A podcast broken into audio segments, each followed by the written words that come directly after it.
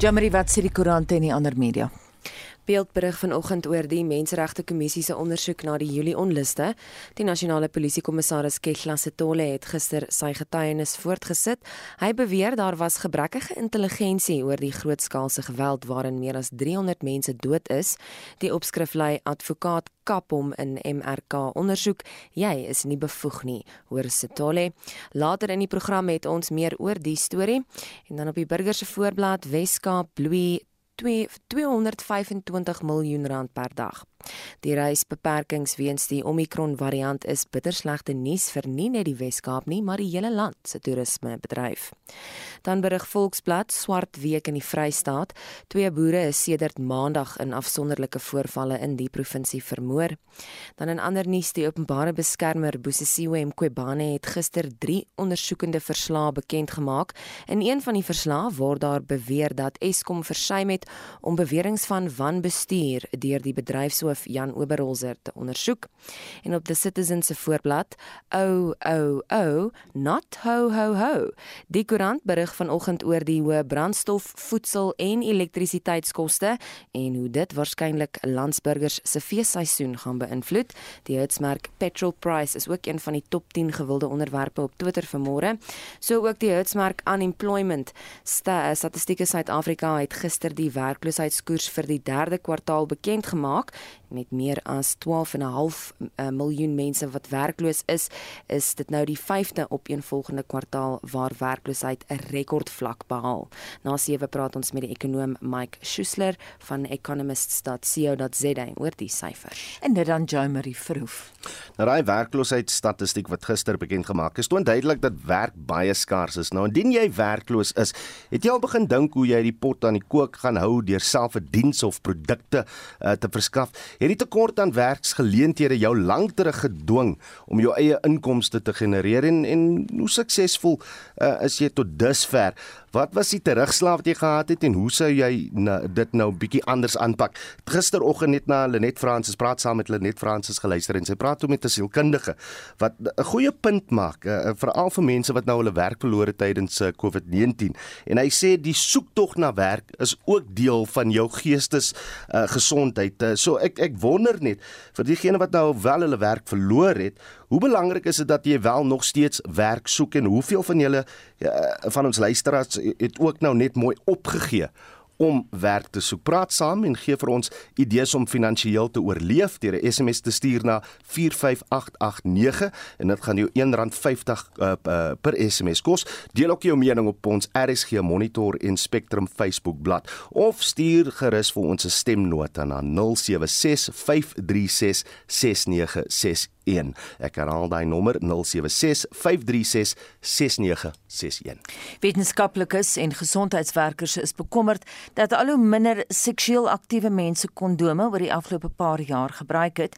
Kundiges glo die tendens het 'n groot impak op die stryd teen HIV vigs in Afrika suid van die Sahara.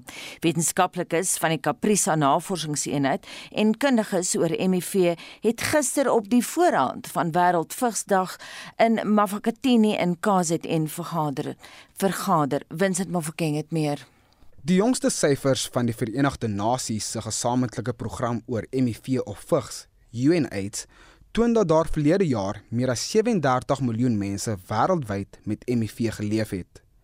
Ongeveer 8 miljoen van hierdie persone woon in Suid-Afrika.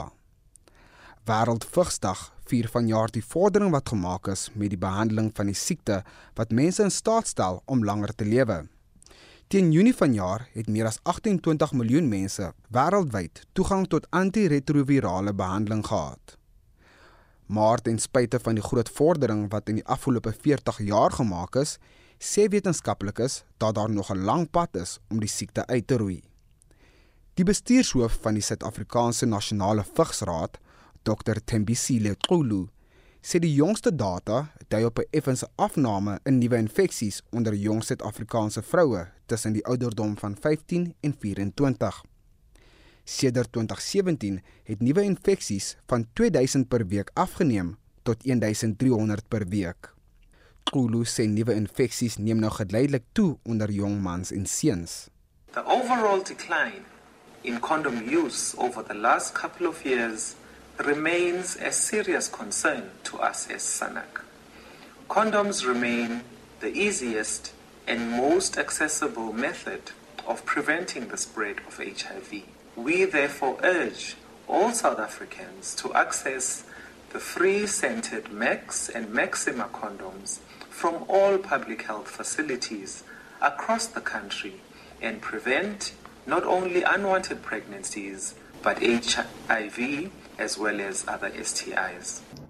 Die waarnemende direkteur van strategiese gesondheidsprogramme by die Nasionale Departement van Gesondheid, Dr Mamosa Chabalala, sê tussen Julie en September verlede jaar het meer as 50 000 Suid-Afrikaners behandeling vir seksueel oordraagbare siektes ontvang in vergelyking met 77 000 in die vorige jaar.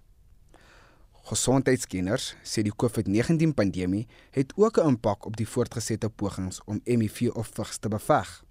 Die Mkungundlovu distriksbestuurder van die Nasionale Gesondheidsdepartement, Dr Thandeka Zulu, sê die inperking het 'n toename in die aantal HIV-positiewe individue veroorsaak wat versuim om noodsaaklike antiretrovirale behandeling te kry. Sy sê die gesondheidsorgstelsel in afgeleë landelike gebiede moes tydens die inperking aanpas om te verseker dat mense aanhou om gereeld hulle behandeling te ontvang. People are not keen to come to our clinics because of waiting, because of distances, because of taking taxis, maybe two or three taxis to get there. But with the community based model, which is guiding us, it's better to go to them.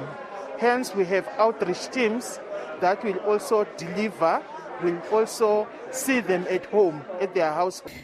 Die direkteur van die Vigs Navorsingsprogram, Caprisa, en die epidemioloog, professor Salim Abdul Karim, sê daar is baie wat wetenskaplikes kan leer uit die COVID-19 pandemie om die benadering tot die toetsing en behandeling van HIV te verbeter.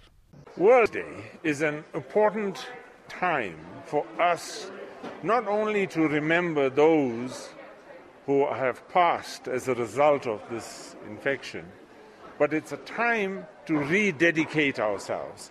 When I first started, it was a universal certificate of death. Today, it is a disease we manage and treat even in the most remote part of the world. Na 40 jaar en hoewel daar nog nie 'n geneesmiddel vir HIV is nie, sê wetenskaplikes dat om vroeg genoeg antiretrovirale middels te begin neem en aanhou om die behandeling te ontvang, 'n groot impak het op die lewensbestaan van HIV-positiewe individue. Wetenskaplikes van reg oor die vasteland sal volgende week in Durban vergader by die konferensie oor vigs en seksueel oordraagbare siektes in Afrika. Die verslag van Minoshni Pillay. Akas Vincent Mufokeng vir SAIK nuus. 20 minute na 6 na die Verenigde Nasies se Kinderfonds UNICEF sê 85% van vroue het nou toegang tot medikasie vir die behandeling van HIV vigs. UNICEF se sê egter kinders wat met die virus leef sukkel om toegang te kry tot nodige mediese behandeling. Estie de Klerk het meer besonderhede. Volgens UNICEF se jongste statistiek oor HIV vigs word 85% van die wêreld se HIV vigsgevalle in Sub-Sahara Afrika aangetref. Die organisasie sê daar is 2,8 miljoen kinders tussen 0 en 19 wat met die virus saamleef. Die organisasie se direkteur vir HIV vigs, Dr. Chewe Luo, sê 15% van die kinders wat met HIV vigs geleef het, is verlede jaar dood weens 'n tekort aan mediese behandeling. Our recommendation is that children that are exposed to HIV uh, because their parents are living with HIV should be tested at about six to eight weeks when they come in for their immunization. We saw declines in that, and then because of that, we also saw major declines in access to treatment. And we know for kids, this is not anywhere acceptable because we know 30% of children, if they're not treated early enough, will die by year one, and 50% will die by year two. Dr. Lewis sê in die meeste gevalle word die virus van ma na kind oorgedra. Our global estimate is that we have 1.7 million of them living with HIV and 9 out of 10 of these live in sub-Saharan Africa as you can see there It's about 70% in Eastern and Southern Africa, and then we have 19% in Western Central Africa. I also want to point out that a lot of these children that are adolescents that are living with HIV are adolescent girls. A lot of these children that are living with HIV that are adolescents are transitioning from childhood to adolescence having acquired infection from mother to child transmission. Sy sê die COVID-19 pandemie het die behandeling vir HIV-vigs belemmer. COVID hit us so so hard and so quickly that some of the responses around how do we align and integrate efforts were not done in an optimal way. But I think the two pandemics have taught us that we really need in Africa very strong public health institutes, but we also need quality labs to be able to respond to infections like HIV and COVID. UNICEF vra dat regerings meer doen om te verseker dat kinders toegang het tot mediese behandeling teen die siekte. Die verslag is saamgestel deur Paul Magubani en ek is Estie de Klerk vir SAK nuus. Die rektor en fisiekanselier van die Universiteit van die Vrystaat, professor Francis Petersen, sê Suid-Afrika is in die moeilikheid en hy sê dit behoort baie duidelik te wees ongeag jou politieke sienings of oortuigings. Boonop sê hy dat dit onmoontlik is om 'n floreerende ekonomie op die rug van 'n verdeelde samelewing te bou. Ons het so 'n paar weke gelede ook uitgevind deur Statistiek Suid-Afrika waar die werkloosheidsyfer op die oomblik is en dit op daardie stadium was dit op 34.3%. En dan kan ons kyk na die Sonderkommissie, die korrupsie aspekte wat daar uitgekom het. Ons kan ook reflekteer in terme van wat COVID self gedoen het aan die land. Dit woonbehalwe die hoeveelheid persone wat gesterf het en die wat deur traumaties geaffekteer was deur die pandemie, het dit ook 'n addisionele impak gemaak op besighede op die ekonomie, die selfvertroue van mense. Dit is die agtergrond waaroor ek daardie artikel geskryf het. Dit het vir my neergekom op 'n leierskap uitdaging op die feit dat politici tussen al hierdie negatiewe aspekte wat ons land ervaar, nog steeds die geleenthede gebruik waar hulle kan op opportunistiese hmm. stellings te maak om ook rasseverdeling verder te versterk. Hmm En dit het net die vraag gevra, is ons land besig om in mekaar in te val en moet daar 'n intervensie wees. Professor, hoe dink jy moet universiteite verander om by hierdie uitdagings aan te pas? So tot die tweede dekades gelede het die fokus op universiteite baie gegaan oor die generering van nuwe kennis en dan ook het die natuurheid van universiteite om se gegradueerdes aan die ekonomie te voorsien en dit is nog steeds daar. Maar ek dink wat die afgelope dekade of wat gebeur het is die feit dat universiteite hulle self die vraag uh, gevra het en nog steeds vra. Hoe relevant is ons? Is ons hierdie elite instansies waar net 'n sekere persentasie van persone wat gematrikuleer het, die voorreg het om aan hoër onderwysinstellings te studeer of is daar 'n groter rol wat die universiteit moet speel?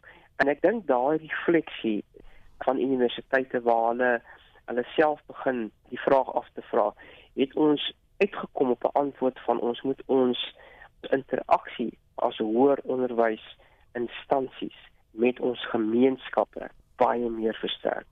Want indien ons nie daai vraag kan antwoord wat 'n waarde ons kan toevoeg tot ons gemeenskap en die gemeenskappe definieer ek baie groter as net in 'n burgerlike samelewing. Dis ook die gemeenskappe wat vasgevat word in verskillende sektore van die ekonomie.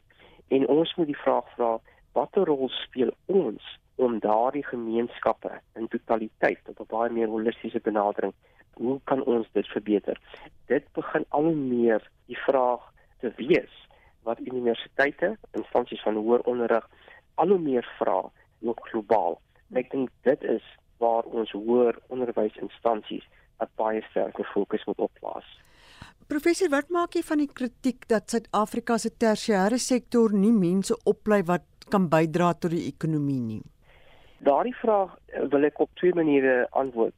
Die universiteite is nie net noodwendig instansies wat spesifieke korttermyn mark aanvraag moet aanvoorsien nie. Eh, want onthou maak aanvraag gaan die verskillende siklusse en die gegradueerde moet die vermoë hê om aan te pas. Hmm. Die gegradueerde moet die vermoë hê om verder te dink, om te innoveer, om kreatief te wees, om buite uh, sy bestaande of haar bestaande grense van opleiding te dink om nuwe besighede te kataliseer.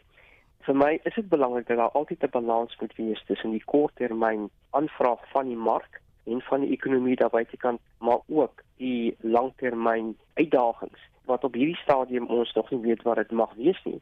Maar daai gradiant die moet die vermoë het om daaroor te kan dink, ook dit te kan help uit te bou. Waar ek dink as 'n Suid-Afrikaanse postskool raamwerk faal, is die feit dat ons is baie gefokus op universiteitsopleiding. Hmm. Eerder as om te kyk na hoe lyk die hele postskool omgewing en dit kyk nou na die TVET colleges, die gemeenskap colleges, die landbou colleges, saam met die universiteite. As ons die college stelsel kan regkry, dan van baie van hulle afgestudeer is, is veronderstel om direk belyn te wees hmm.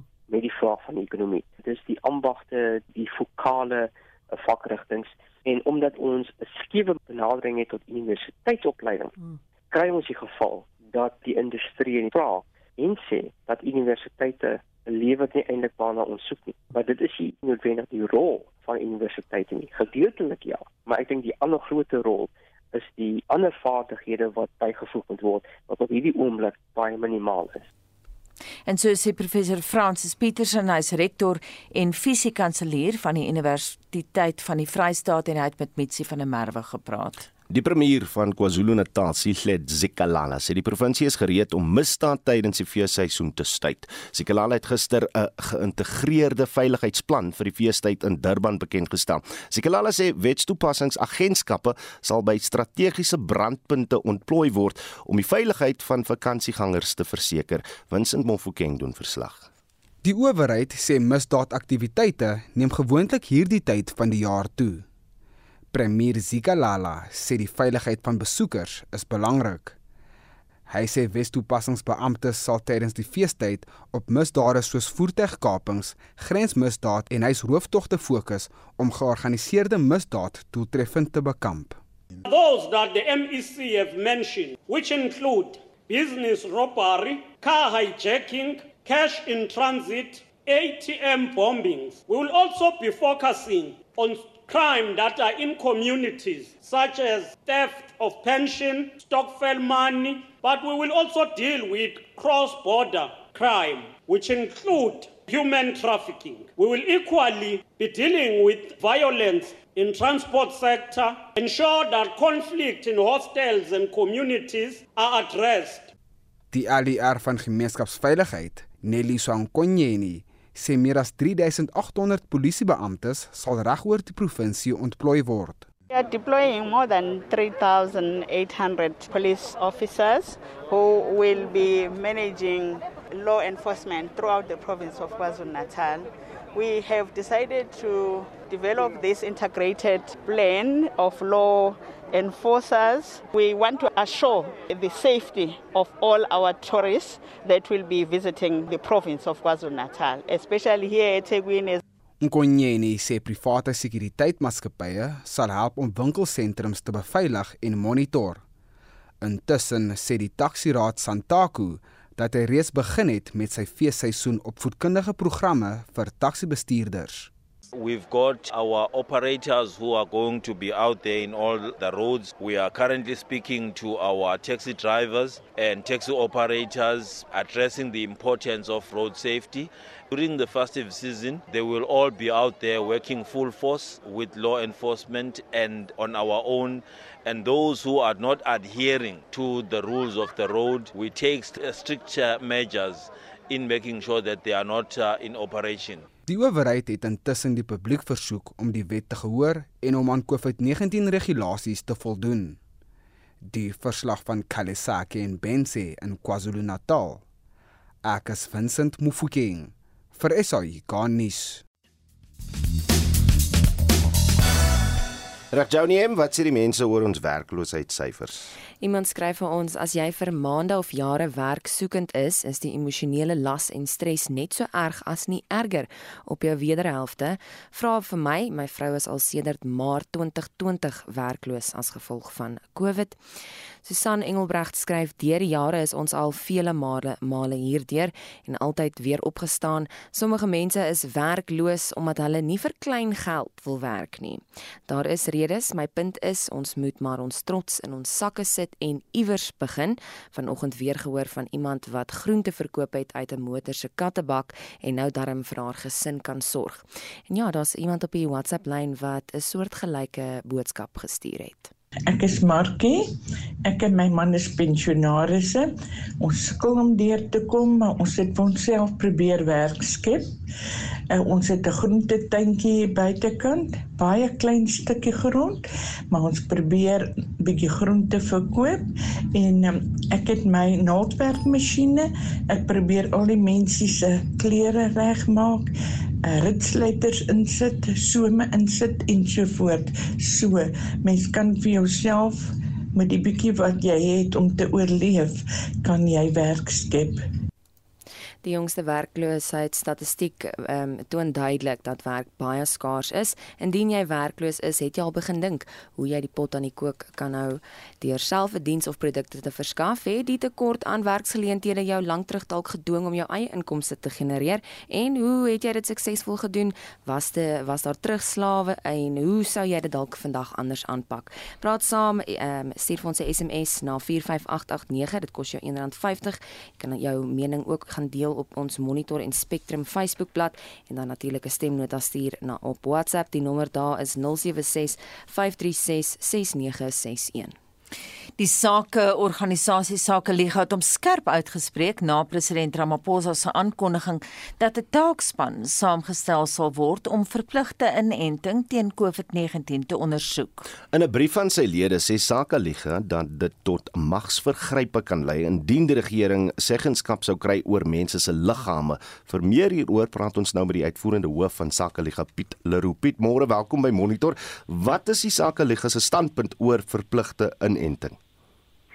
Ons standpunt is dat verpligte inenting onwenslik is, dat dit ehm um, kan lei tot die permanent gemoniteerde en gemedikaliseerde samelewing uh, en dat dit in die lig van die omstandighede nie wys is om dit te doen nie. Wat wys is is uh, eerlike uh, verplig ag uh, uh, vrywillige inentingsprogramme en 'n uh, hele reeks ander maatreëls om soos wat daar aanvanklik die plan was om die gesondheidsorg te ondersteun, maar die regering steeds in versuim is om te doen, maar dan ten minste die private sektor vry te stel om te doen en om die uh, uh presies wat ons tans gehoor het van die meer amper byna 2 miljoen mense wat sedert lockdown werkloos gemaak is om die ekonomie weer oop te stel sodat daardie mense kan kos op die tafel sit. Piet, wat is daar nou nie genoeg mense is wat vrywillig wil inent om ons almal gesond te hou nie? Ek dink ons moet eerstens uh, mense se uh, vryheid van keuse oor hulle liggame uh, respekteer. Maar tweedens moet ons in ag neem dat uh, verskillende dele van die wêreld die wetenskap nie verskillende antwoorde kan gee nie. Dis die politiek wat verskillende antwoorde gee. En ons sien in baie dele van die wêreld waar uh, daar of hoë hoë vlakke van inenting is by party dele 100%, ander dele baie laag. sien ons op die oomblik nie wesentlik verskillende uh, uh, uitkomste in terme van die epidemiese golwe nie. Dit kom en dit gaan maar. En uh, die wonderlike uh, ding is dat ons uh, daarvan bewus gemaak word en dat dat um, elkeen van ons die geleentheid het om die uh, inentings tot die beskikking te gebruik om onsself te beskerm. Maar uh, dit is glad nie so wetenskaplik onomstrede uh, en uh, duidelik dat regerings elke plek in die wêreld die verpligte inenting moet instel nie uh, die uh, die se beleidskeuses waarmee Suid-Afrika te doen kry en uh, in ander dele van die wêreld word ander gevolgtrekkings gemaak. So dit is nie die wetenskap wat hierdie gevolgtrekking maak nie. Uh, dit is uh, die dit is politiek. Jy praat dan van 'n politiek wat die antwoorde gee. Ons weet dat die Oostenrykers begin in Februarie met verpligte inenting. Ons weet dat die Franse oorweeg dieselfde ding, maar daar's baie hoë uh, syfers van inenting. In Suid-Afrika sit ons met 'n nuwe variant en ons het baie mense wat weier om in te ent. Ons het uh, eh, 26% onder jeugdiges wat ingeënt word en hulle word juis blootgestel aan die nuwe variant en is besonder kwesbaar. Baie mediese sal dit glad nie met julle standpunt hoe genaamd eens wees nie. Ehm um, wat wat is standpunt? Julle standpunt dat verpligte inenting moet nie plaasvind nie. Daar's baie mediese wat sê dis nou die enigste pad vorentoe, anders gaan ons sit met 'n vreeslike verspreiding van hierdie virus Piet. Ek dink daar's mediese wat moontlik nie daarmee sal saamstem nie, maar dit is nie 'n mediese gevolgtrekking daar nie, dit is 'n um, openbare beleidsgevolgtrekking wat elkeen van die persone in die land en jy weet elke elke burger uh, het dieselfde vermoë om daardie standpunt te neem net omdat die die serie ons is nie elkeen hier bevoeg om 'n mediese gevolgtrekking te maak nie maar die maar die gevolgtrekking van verpligting is nie 'n mediese gevolgtrekking nie. Ek dink wat tweedens belangrik is om ook in ag te neem dat ehm um, uh, dat die uh, bestaande uh, variante waarvoor die inenting ontwikkel is en en, en hier haal ek maar die uh, Moderna uitvoerende hoof aan wat uh, die afgelope paar dae gesê het uh dat dit lyk vir onmoontlik asof die inenting nie effektief gaan wees uh, teen die Omicron variant nie. Hoopelik is dit hoopelik mense weet nie, maar wat ons ook mee sit is as ons met hierdie verpligting werk, dan doen ons een oplossing op almal af. En heel moontlik doen ons die oplossing op almal af wat onvoldoende is vir die nuwe variante wat bestaan. So nie net is die verpligting moreel uh, problematies nie, dit is ook problematies in die sin dat dit ons dalk vals hoop gee uh, en dalk juis uh, in die handwerk dat ons mense inent met verkeerde stowwe terwyl die wetenskap nog nie vir ons die antwoord het oor wat die beste inenting vir die jongste variante is nie. Dit is 'n regtige komplekse situasie. En die een stop oplossing van verpligte inenting is nie die antwoord nie. Ons moet meer genuanceerd hierna kyk. Uh, ons het nou wel 'n botsing van regte. Uh, as ons kyk na wat in Amerika plaasvind, Joe Biden se benadering bietjie anders. Daar wil hulle die verpligte dit, verpligtend maak vir werkgewers met 100 of meer werknemers om ingeënt te word. Sodoende gaan hulle amper die besluit en die proses in die hande van die privaat sektor los. As ons dit moet doen in Suid-Afrika en die oorgrootste meerderheid van sakelei in Suid-Afrika sê reg, ons gaan ons werknemers verplig om in te ent. Wat sê julle dan? Ek ek dink nie uh, die uh, so dit is moontlik dat werkgewers uh, hulle werknemers wil verplig en ek dink dit is moontlik ons het ook dit tevore al gesê dis moontlik afhangende van die dienskontrak afhangende van die werksverhouding ons dink wel dis onwys om die gemoniteerde samelewing aan te help want ons moet onthou dat wanneer ons as werkgewers ons verskillende maniere ons dink kan aanpak en wanneer werkgewers ehm um, so nou saam met die regering gaan werk dat ons mense by elke tweede deur moniteer op ja, op een of ander kriterium nou moet ons weet dis hoe regeringswerk eh die saam die sake sektor gaan gekoopteer word om uh, die samelewing ook te moniteer op ander terreine. En dan sit ons met 'n gemoniteerde samelewing soos wat ons 2 jaar gelede sou gesê het heeltemal onaanvaarbaar is in China. Ja, so ons ons loop meer as een risiko hier en die verpligte inenting bring vir ons 'n klomp ander risiko's mee, eintlik gewaarborgde ander gevolge waar wat ons kan voorsien en waarvoor ons moet versigtig wees. So by sakelike gaan ons nie uh, sê uh, daar's 'n een-stop oplossing vir almal nie. Daarom is teen die verpligte inenting, soos ons vir vrywillige inentings en daarom sê ons ook nie dat uh, dit uh, by verstek onaanvaarbaar is vir maatskappye om hulle eie reëlings te tref nie. Dit hang van geval tot geval af. Ek dink ons moet genuanceerd wees, net dink ons moet ruimte vir mekaar gee. Net dink ons moet respek hê ook vir diegene onder ons wat ehm um, besluit om iets anders uit te voer. Ons verstaan nie altyd hulle redes nie. Ons moet besef dat wanneer ons 'n oop samelewing wil lewe en ons gun nie vir mense die reg op meningsverskil nie. As ons gaan en ons forceer ons mening op hulle af, dan sluit ons eintlik vryheid van mening uit. Ons sluit eintlik die oop samelewing toe. En dit is die groot gevaar waar ons hiermee te doen het. Ek wil net eenlik laaste stukkie goeie nuus noem. En dit is dat ons hier in Suid-Afrika om een of ander rede vergeet ons heeltyd in die politieke diskurs, nie alleen in die wetenskaplike diskurs nie dalk soms, maar in die politieke diskurs neem ons nie in ag wat in die res van die wêreld standaard is nie, naamlik dat herstel van vorige infeksies ook beskou word as ten minste gelykwaardig of soortgelyk uh, dalk selfs beter as inenting. Daarmee sê ek nie uh, iemand wat nie ingeënt word selfs al was hy geïnfekteer nie. Ek sê net dat in die res van die wêreld word dit gehanteer asof daar 'n inenting was wanneer jy herstel het van die siekte. Ba nou volgens Discovery het nou 80% van die bevolking in Suid-Afrika reeds die siekte gehad en teenliggaampies ontwikkel. Dit is 'n stukkie goeie nuus wat ons kan verreken ons besef dat die marginale nut van om daardie mense te gaan dwing om te in te die epidemiologiese uh, uh, proses Uh, dis nie duidelik dat ons daarmee dit gaan stop nie. Trouwens onwaarskynlik. Baie dankie sê die uitvoerende hoof van Sakeliga Piet Leroux. Ons bly by die storie en president Cyril Ramaphosa het uh, natuurlik Sondag aand in sy gebruikelike COVID gesprek met sy landsburgers verwys na samesprekings tussen die arbeidssektor, sakelei en regering oor strafmaatreëls vir die wat weier om ingeënt te word. Dit behels onder meer beperkte toegang tot restaurante en openbare vervoer. Daar is aan monitor gesê dat verpligte inenting die volgende stap mag wees. En ons praat nou met professor Martie van der Walt, hoof van die Mediese Navorsingsraad se tering platform daaroor. Goeiemôre Martie. Môre Anita en ook aan die luisteraars. Martie, is jy dit eens met die president wat dit moeiliker wil maak vir mense wat eenvoudig weier om ingeënt te word? Is dit die pad vorentoe dink jy? Dit is beslis een van die paaie vorentoe. Ek dink nie noodwendig uh, verpligte inenting sal die lewe moeiliker maak nie. Ek dink dit is eerder 'n maatreel wat ehm um, ingestel moet word en baie goed werk. Verpligte inenting is glad nie 'n vreemde beginsel vir ons nie in vroeë jare toe hulle met kinder in en stowwe begin het en ook vandag nog is verpligte kinderinentings ehm um, word nog benodig vir 'n kind om skool toe te gaan maar byvoorbeeld die wetgewing in ons land en baie ander lande wat ehm um, rokers se uh, vryhede beperk het is niks anders eintlik as verpligte uh, wetgewing net maar net op 'n ander manier. Sê vir my uh, ek wil 'n bietjie kyk na Europa. In Frankryk is 69% van die bevolking ingeënt, in Duitsland is dit 68%. En in Frankryk weet ek is daar ek weet nie of die woord strafmaatreël dalk te sterk is nie, maar daar is maatreëls wat mense wat dan nie wil inent nie, uh, dit moeilik maak vir hulle om deel te wees van die samelewing. Jy kan nie restaurante toe gaan nie, jy kan nie sportvelde toe gaan nie, jy kan nie openbare vervoer gebruik en so aan nie. Ons weet die Oostenrykers maak dit nou in Februarie verpligtend om in te ent. Dink jy die Europeërs gaan die vrugte daarvan pluk? Daar word nou gesê weet hulle loop erg deur op die oomblik onder die wel ook die nuwe variant van die virus, maar hulle loop op die oomblik baie erg deur onder COVID. Dink jy hierdie planne gaan op die lang termyn vir hulle baat? Ja, beslis beslis. Inenting is sekerlik die beste maatreel wat ons het om enige infeksiesiekte te beperk. Daar's mense kan infeksiesiektes op twee maniere beperk en dit is baie eenvoudig. Eerstens is jy moet sorg dat mense die siekte nie kry nie.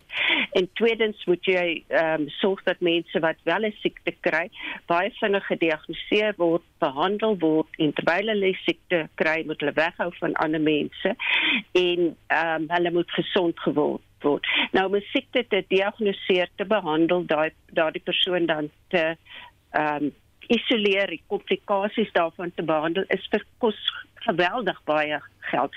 Inenting is die goedkoopste manier om 'n bevolk of mense bevolking of diere of 'n groep mense van 'n siekte te ehm um, beskerm. Ehm um, ons het die wêreld was in staat om pokke wat 'n geweldige aansteeklike en 'n siek siekte is en met baie hoë sterftekoers. Die wêreld was in staat om pokke deur die wêreld uit te rooi deur verpligte inentings. En lankal en aan die begin van die ehm um, hierdie pandemie is daar gesê inentings is die enigste manier hoe die wêreld ehm um, hierdie pandemie onder beheer gaan kry en dat ehm um, lande en ekonomieë weer um, normaal kan funksioneer. Maar die indien 'n inenting verpligtend word, hoe gaan hierdie proses werk? Ons het gister 'n luisteraar uh, gehad hier op Monitor uh, wat onthou hoe hy as kind uh, in 'n ry uh, op skool ingeënt is. Ek kan self terugdink dat hy daar uh, in Suid-Afrika toe ons ook so so moes maak. Ehm um, hoe hoe sal dit werk in Suid-Afrika en en waar begin dit en waar eindig dit want ons hoor nou al 'n geruime tyd van booster shots wat geneem moet word? Ja. So ehm um, verpligte inenting is natuurlik iets wat ehm um, daar moet 'n uh, wetgewing daarvoor uitgereik word. Nou jare gelede toe ons almal nog jonger was en ek was ook sekerlik een van daai kinders in die skool, het die skoolgesondheidsprogram het hulle deel van die verpligte inentings gedoen en dit was verpligte inentings vir kindersiektes gewees.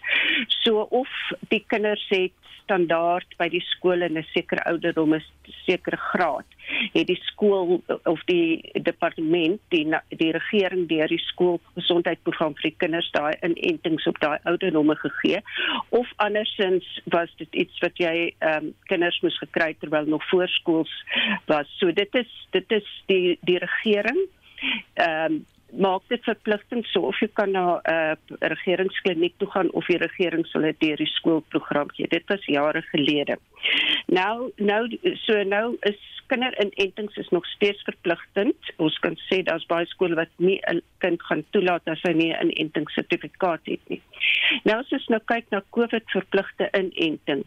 Ehm um, ek as mens nou kyk hoe dit in ander lande gewerk het, ehm um, heel eers het hulle gesê daar sekere ehm um, tipes organisasies of mense in sekere tipe bedrywe. In hierdie kategorieë werkers uh, moet teen 'n sekere datum ingeënt word en dan teen 'n volgende datum daardie en daardie. Nou verpligte inenting beteken glad nie dat dat almal word verplig om ingeënt te word en as jy nie inent nie gaan hulle gaan die regering jou dwing om ingeënt te word. Dit gaan glad nie die geval wees nie. Mense wat nie ingeënt kan word, dit is nog steeds hulle eie reg om ingeënt te word. Maar wat beteken dat daardie individue se vryheid van beweging gaan beperk hmm. word. So hulle gaan hulle gaan uitgesluit word mm. van aktiwiteite waar ander mense toegelaat gaan word. Dis presies wat die wat die Franse doen en die Duitsers begin dit ook doen. Maar op 'n tegniese en 'n praktiese vlak, Martie, hoe werk 'n enstof wetenskaplik gesproke?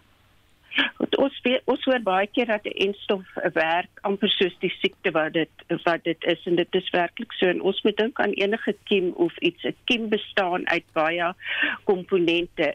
Is maar 'n klein deeltjie van die kiem of sy oppervlakte of een van sy ensieme of of hy kan dit toksin produseer.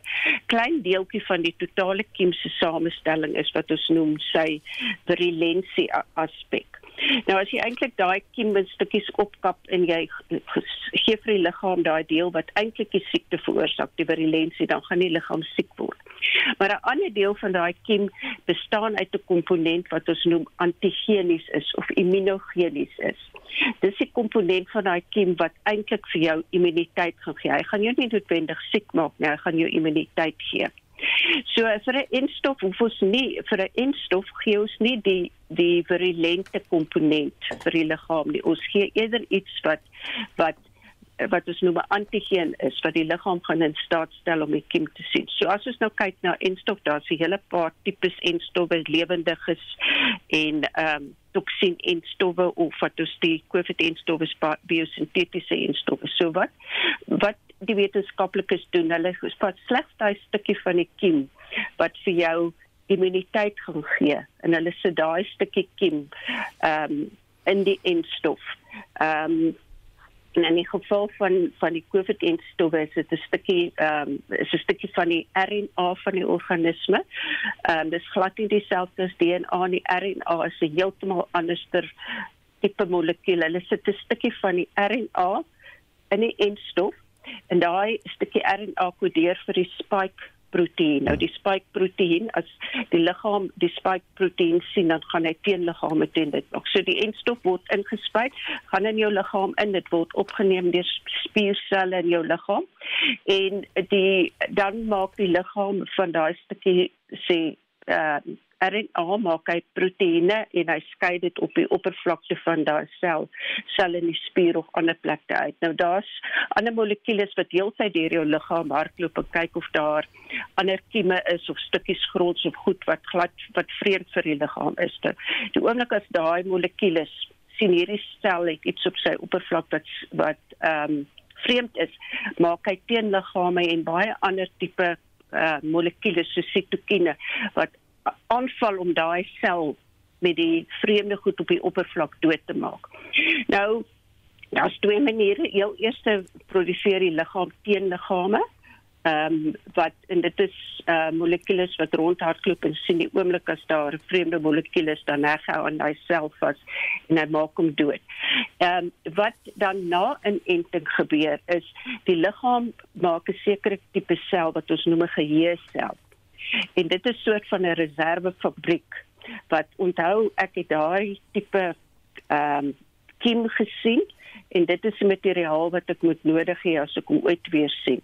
So die geheuesel is die belangrike sel vir immuniteit want dit bly dan jou reserve energie en ehm um, en dan as jou liggaam ooit selfs in 20 jaar se tyd weer met daai kiem in aanraking kom, dan erken hy onmiddellik en hy het hmm. klaar die materiaal reg en dan word daar baie vinnig soos 'n amper in in in maksimum word dan teenliggaam en ander goed uitgeskou hmm. met nuwe infeksie teen te staan. Baie dankie. Ek het nie besef dit hou vir so lank tyd nie dat die liggaam na 20 jaar nog daai kiem herken. Dit dan professor Martie van der Walt, hoof van die Mediese Navorsing Raad se tering platform. Na die plaaslike reisbedryf en gefrustreerde reisigers en ek sit miskien langs een het reeds sal sê gesê op monitor oor Brittanje se reisverbod wat donderdag uit die bloute aangekondig is. Gister het die president van die Britse Kamers van Koophandel in Suider-Afrika, eh, Leon Ayo, aan Anita gesê die verbod wat oor 3 weke hersien sal word, kos die streek 26 miljoen rand per dag.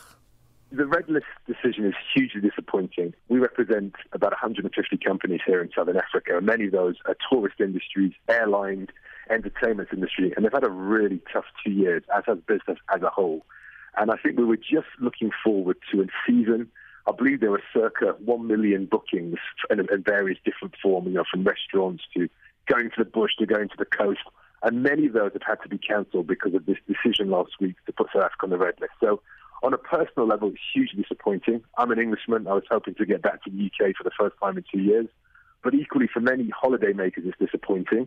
but also the economic costs are going to be considerable after what has been a very tough 600 days of COVID so far.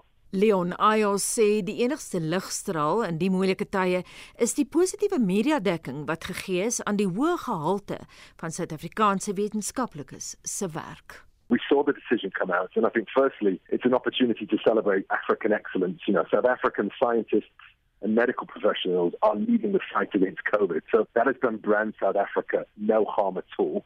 I do think it's ridiculous to suggest that we should conceal findings from the scientific community. I think that would imp- impact our world standing, you know, very detrimentally. So I think we should celebrate the scientists. And w- what I'm hearing, I don't think we're heading into a, a red list for five, six, seven, eight months like we did last time. I think there has been an element of surprise by this new variant. You know, the French are holding all their flights for three days and they're going to review.